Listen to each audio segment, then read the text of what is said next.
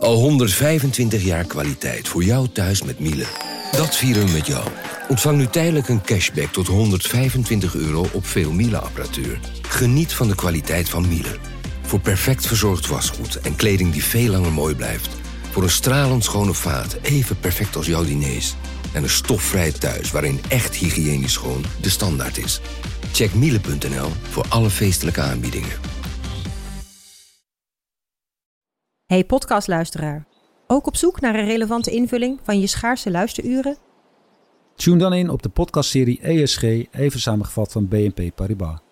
Wij, Marloes en Aldert, spreken daar duurzame voorlopers en wereldverbeteraars. Waarover dan? Nou, bijvoorbeeld of we ooit duurzaam kunnen gaan vliegen. En waarom koeien in de stad nou een goed idee is? Dat en meer elke twee weken in een nieuwe aflevering. Dus abonneer je. ESG, even samengevat.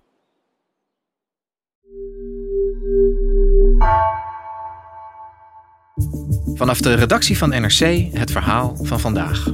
Mijn naam is Egbert Kalsen.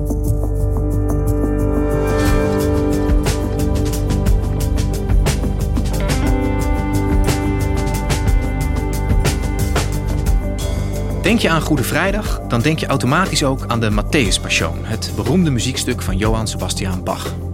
Bach schreef het stuk bijna 300 jaar geleden en het is nog altijd mateloos populair, vooral in Nederland. Redacteur klassieke muziek Misha Spel heeft het stuk heel vaak geluisterd en gezongen en zij vertelt wat het volgens haar zo interessant maakt.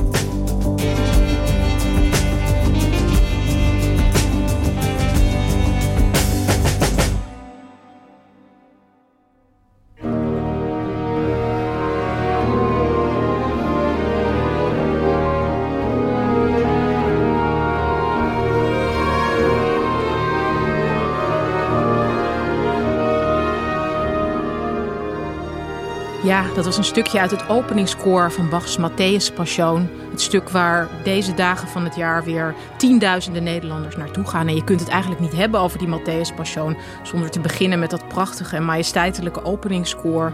Waarbij ik zelf als ik in de zaal zit altijd het gevoel heb van, ha, daar zitten we weer, er is weer een jaar voorbij. We hebben een jaar ons kunnen verheugen op het moment dat we weer naar de Matthäus Passion mogen. En nu zitten we ook drie uur vast aan het verhaal van Jezus Christus en zijn kruisiging. En je kunt nergens naartoe. En dit is een uitvoering die dit jaar is uitgekomen en die ik in de krant vijf ballen heb gegeven, omdat ik hem ontzettend mooi vond. Door het ensemble Pygmalion onder leiding van Raphaël Pichon.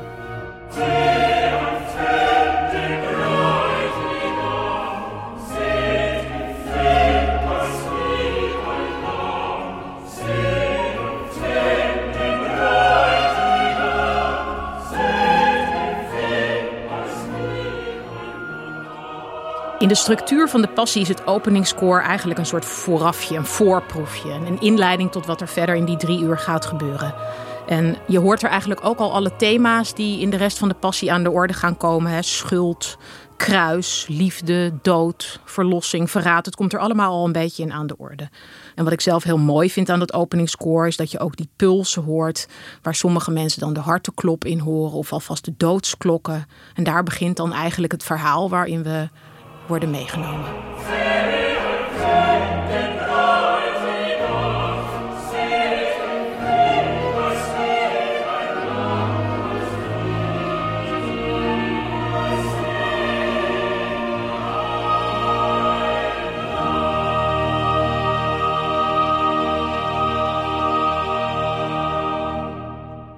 Misha, jij bent uh, redacteur klassieke muziek bij ons. En jij spreekt hier uh, als Matthäus Passion liefhebber en ook wel als kenner. Vooral liefhebber. Vooral liefhebber.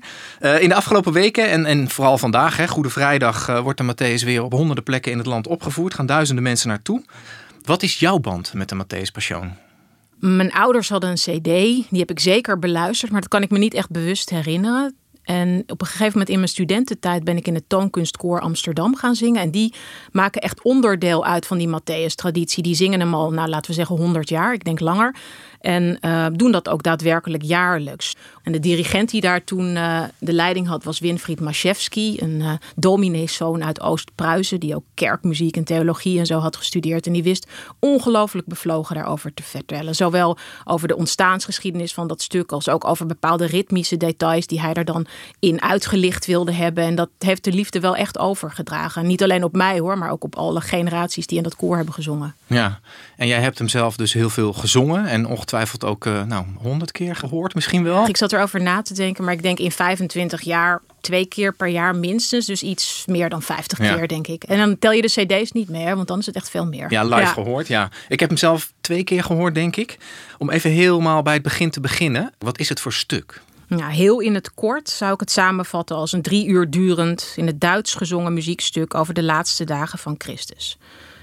Er is een verteller, de evangelist, die zingt stukjes uit het evangelie van Matthäus. Ook Jezus Christus komt zelf aan het woord, dus die richt echt het woord tot de zaal. En die vertelteksten die worden dan als het ware doorbroken door koorscènes en door wat wij noemen aria's. Als het popmuziek zou zijn, zou je het een soort songs noemen, waarin wordt gereflecteerd, wordt nagedacht, verder wordt ingegaan op wat er in het verhaal is gebeurd.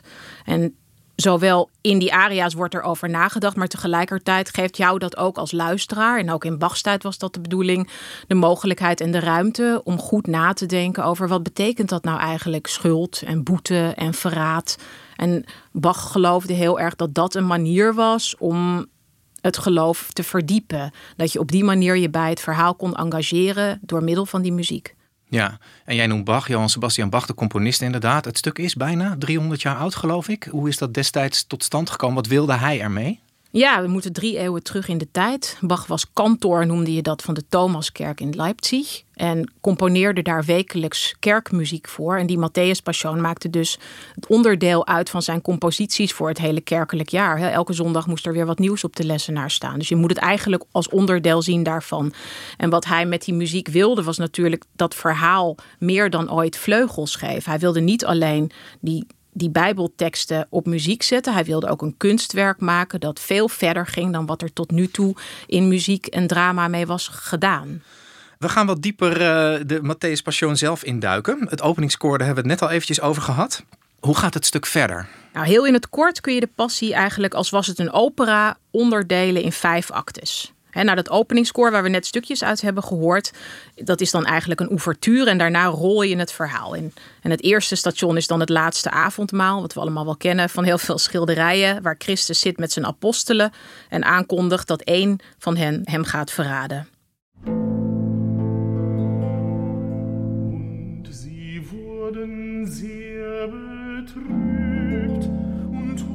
Je hoort hier dus de evangelist die een stukje verhaal vertelt en daarna interrumpeert het koor met elf keer een bin ichs.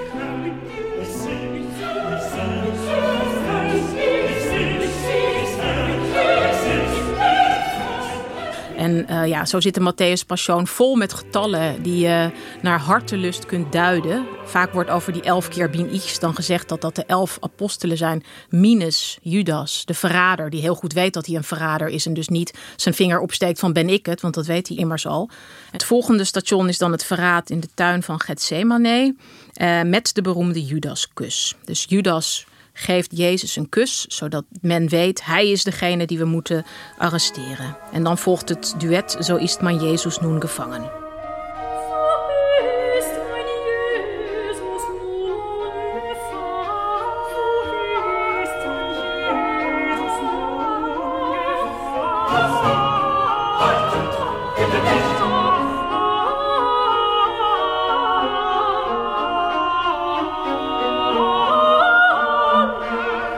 Twee vrouwen treuren hier over het feit dat hun Jezus gevangen is. En dat hoor je heel duidelijk. Je hoort in de violen en de altviolen een soort nerveus wegloopmotiefje. Waarvan ik niet weet of Bach het ook echt zo bedoeld heeft. Maar zelf zie ik er heel duidelijk bij voor me hoe Jezus daar wordt weggevoerd met onrustige voetstappen. En daarboven hoor je een klagende, trekkende melodie van twee fluiten en twee hobo's. En ook in de stemmen van de vrouwen hoor je als het ware dat treuren in een soort melodische motieven die in die tijd ook die betekenis hadden van treuren, weeklagen. En ze worden dan geïnterrumpeerd door het koor van de gelovigen, die als het ware proberen nog in een soort mengeling van daadwerkelijke inmenging of geschokt terzijde staan, er iets aan te doen. Las het, halt het, bind het niet. doe nou niet laat hem vrij, uh, bind hem niet vast. Maar ik geloof niet dat ze dat daadwerkelijk denken dat dat gaat gebeuren. Ze zijn meer een soort geschokte omstanders. En dit gaat dan over in, in een van de allerbekendste stukjes uit de Matthäus Passion. Sint Blitze und Donner. Waarin het koor van gelovigen fantaseert over een soort all hell breaks loose. Om Judas verraad te wreken. Sint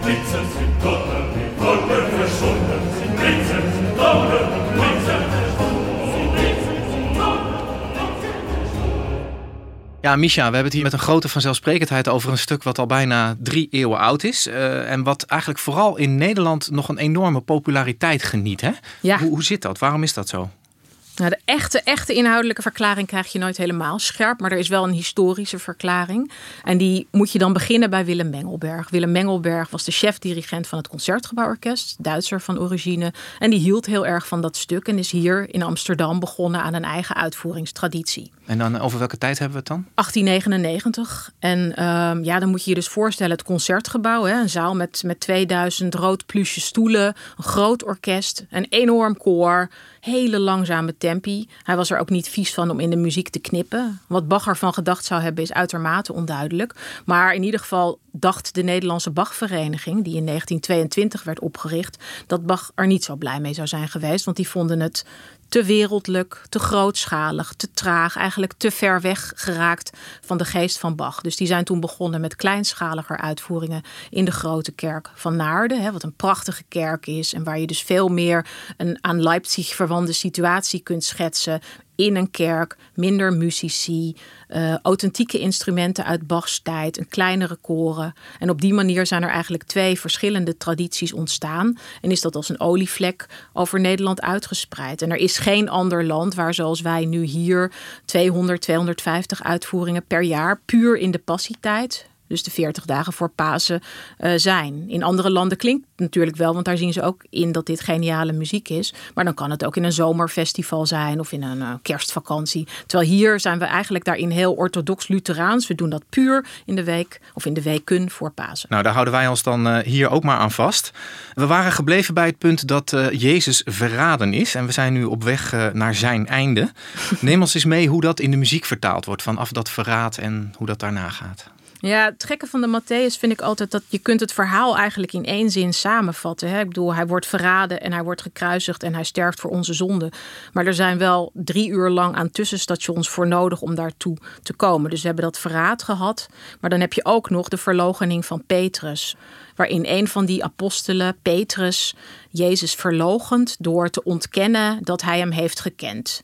En Jezus voorspelt dat al, jij gaat mij verlogenen en als dat gebeurt, dan zal de haan kraaien. En Petrus weet dat en op het moment dat dan daadwerkelijk dat besef bij hem indaalt van ik heb mijn vriend verraden, verlogend, dan volgt een van die beroemde aria's waarom mensen dus jaarlijks naar de Matthäus willen gaan. En dat is Erbarme die.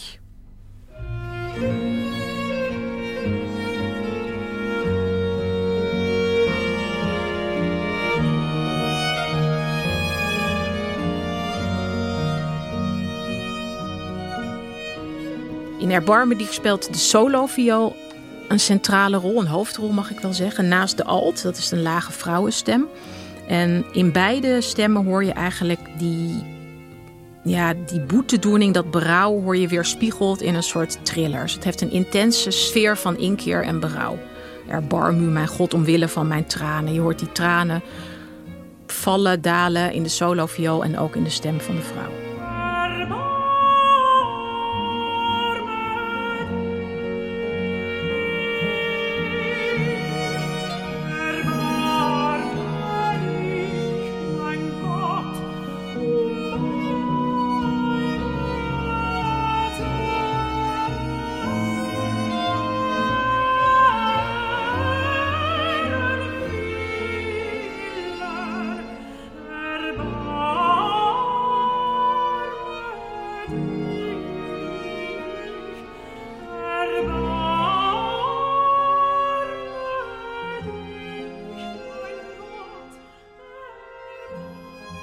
Ja, je voelt letterlijk de spijt die Peters heeft van wat hij gedaan heeft, hè? ook in de muziek. Ja.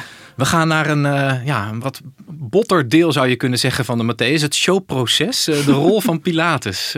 vertel eens, hoe, hoe is dat opgenomen in de Matthäus Passion?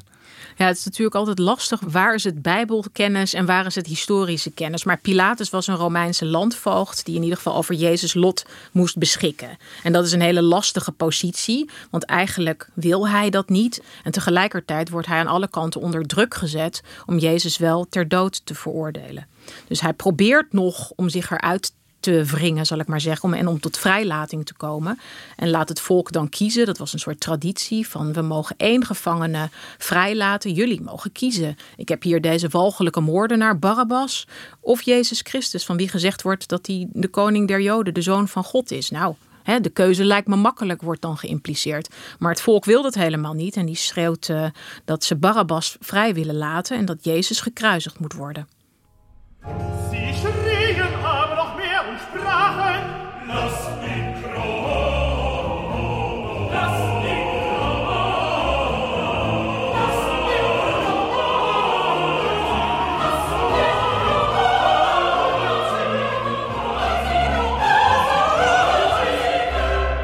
Nou, het oordeel is uitgesproken. We gaan langzaam richting de finale. De kruisiging komt eraan. Ja, ja, hij hangt aan het kruis, maar hij is nog niet dood. En dan volgt voor mij de aria die ik het allermooiste vind. Maar volgens mij sta ik daar wel vrij alleen in. Maar het is voor mij een soort sleutelmoment. Want dat is het moment ja, waar dat hele christendom denk ik op gestoeld is. Van hij sterft voor onze zonde. En in de muziek hoor je als het ware hoe dat drama, schuld, verlogening, verraad, alles wat we gehad hebben, kantelt in een soort sfeer van licht en liefde. En dat is ongelooflijk goed gedaan, vind ik. Het is een heel swingend, lieflijk, troostrijk teder stukje wat je nu gaat horen. Een moment van licht voor de dood eigenlijk. Waarin de alt als het ware in gesprek gaat met twee jachthobo's. Dat zijn hele bijzondere instrumenten die een kwint lager gestemd zijn dan normale hobo's. En een beetje een exotische, neuzelige klank hebben. Maar die past juist heel goed bij de tekst van deze specifieke aria. Jezus strekt als het ware zijn hand uit om ons te troosten. En in die hand kunnen wij ons dan als verlaten kuikentjes warmen. Ja, je moet wel een beetje de Lutheraan in jezelf uh, om hierin mee te gaan. Maar dit is voor mij altijd het moment dat ik met minst 21ste eeuw en het meest 18e eeuw voel. Omdat je echt door de schoonheid van de muziek er wel in mee kan gaan. Dat het troostrijke gedachte kan zijn dat iemand jou die tederheid biedt.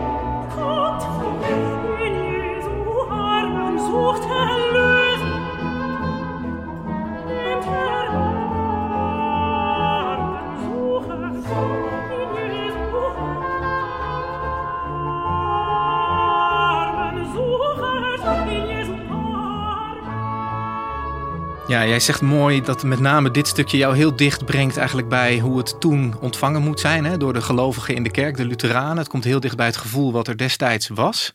We zitten inmiddels natuurlijk in een hele andere tijd waarbij religie een veel kleinere rol is gaan spelen in de samenleving. Wat denk jij nou dat voor mensen nog het aansprekende is van die Matthäus op dit moment? Waar staat het luisteren naar de Matthäus voor? Wij zijn natuurlijk, velen die nu een passie bezoeken, zijn niet meer religieus. Maar wat maakt de passie zo geniaal? Dat het gaat om tijdloos menselijke thema's, zoals schuld, zoals hoe voelt het om een vriend te verraden of door een vriend verraden te worden, uh, liefde, eenzaamheid, al die thema's. En daar kunnen we ons natuurlijk wel degelijk in vinden en daar kun je ook in meegaan. Tegelijkertijd denk ik dat juist doordat we in een ontkerkelijke samenleving leven, je soms behoefte hebt aan wat ankers in het jaar. Net zoals het leuk is om in september kastanjes te gaan zoeken, is het fijn om in de tijd voor Pasen naar een passion te gaan en even te weten van ik zit nu drie uur stil, ik hoor deze prachtige muziek en ik heb wat ruimte om na te denken.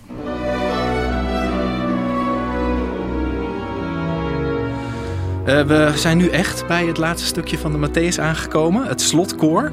Met wat voor gevoel word je als luisteraar of als bezoeker van zo'n uitvoering uh, de Matthäus uitgestuurd? Ja, dat is heel dubbelhartig eigenlijk. En dirigenten denken daar wel anders over. De tekst is Wir setzen uns mit Tränen nieder.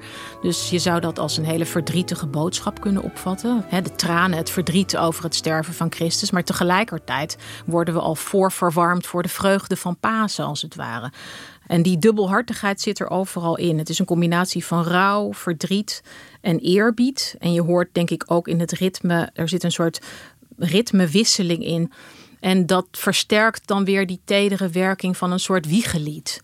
En nog heel treffend is ook het slotakkoord. Dat is een klein groot septiemakkoord. Een heel wringend akkoord wat eigenlijk wil oplossen. Heel vaak hoor je het bijna niet. Ik heb toevallig vanochtend nog vijf stukken achter elkaar beluisterd om te kijken, doen dirigenten nou laten ze dat horen. Vaak vermengt het zich als het ware automatisch. Maar de gedachte is dus dat het oplost naar een akkoord dat symboliseert dat we klaar zijn voor de wederopstanding en voor de hoop die daar aan gekoppeld is.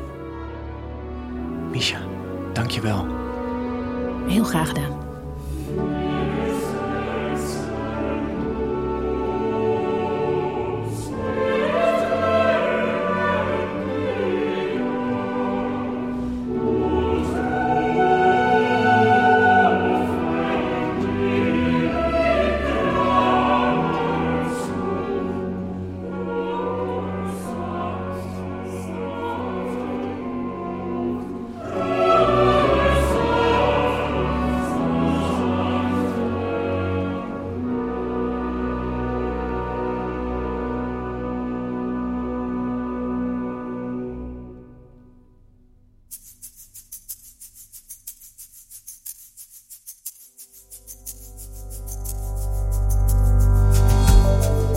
Luisterde naar vandaag, een podcast van NRC. Eén verhaal, elke dag. En wil je nou de hele Matthäus Passion horen van het ensemble Pygmalion? Klik dan op de link in de beschrijving. Deze aflevering werd gemaakt door Wijken van Koolwijk en JP Geersing. Dit was vandaag, dinsdag weer.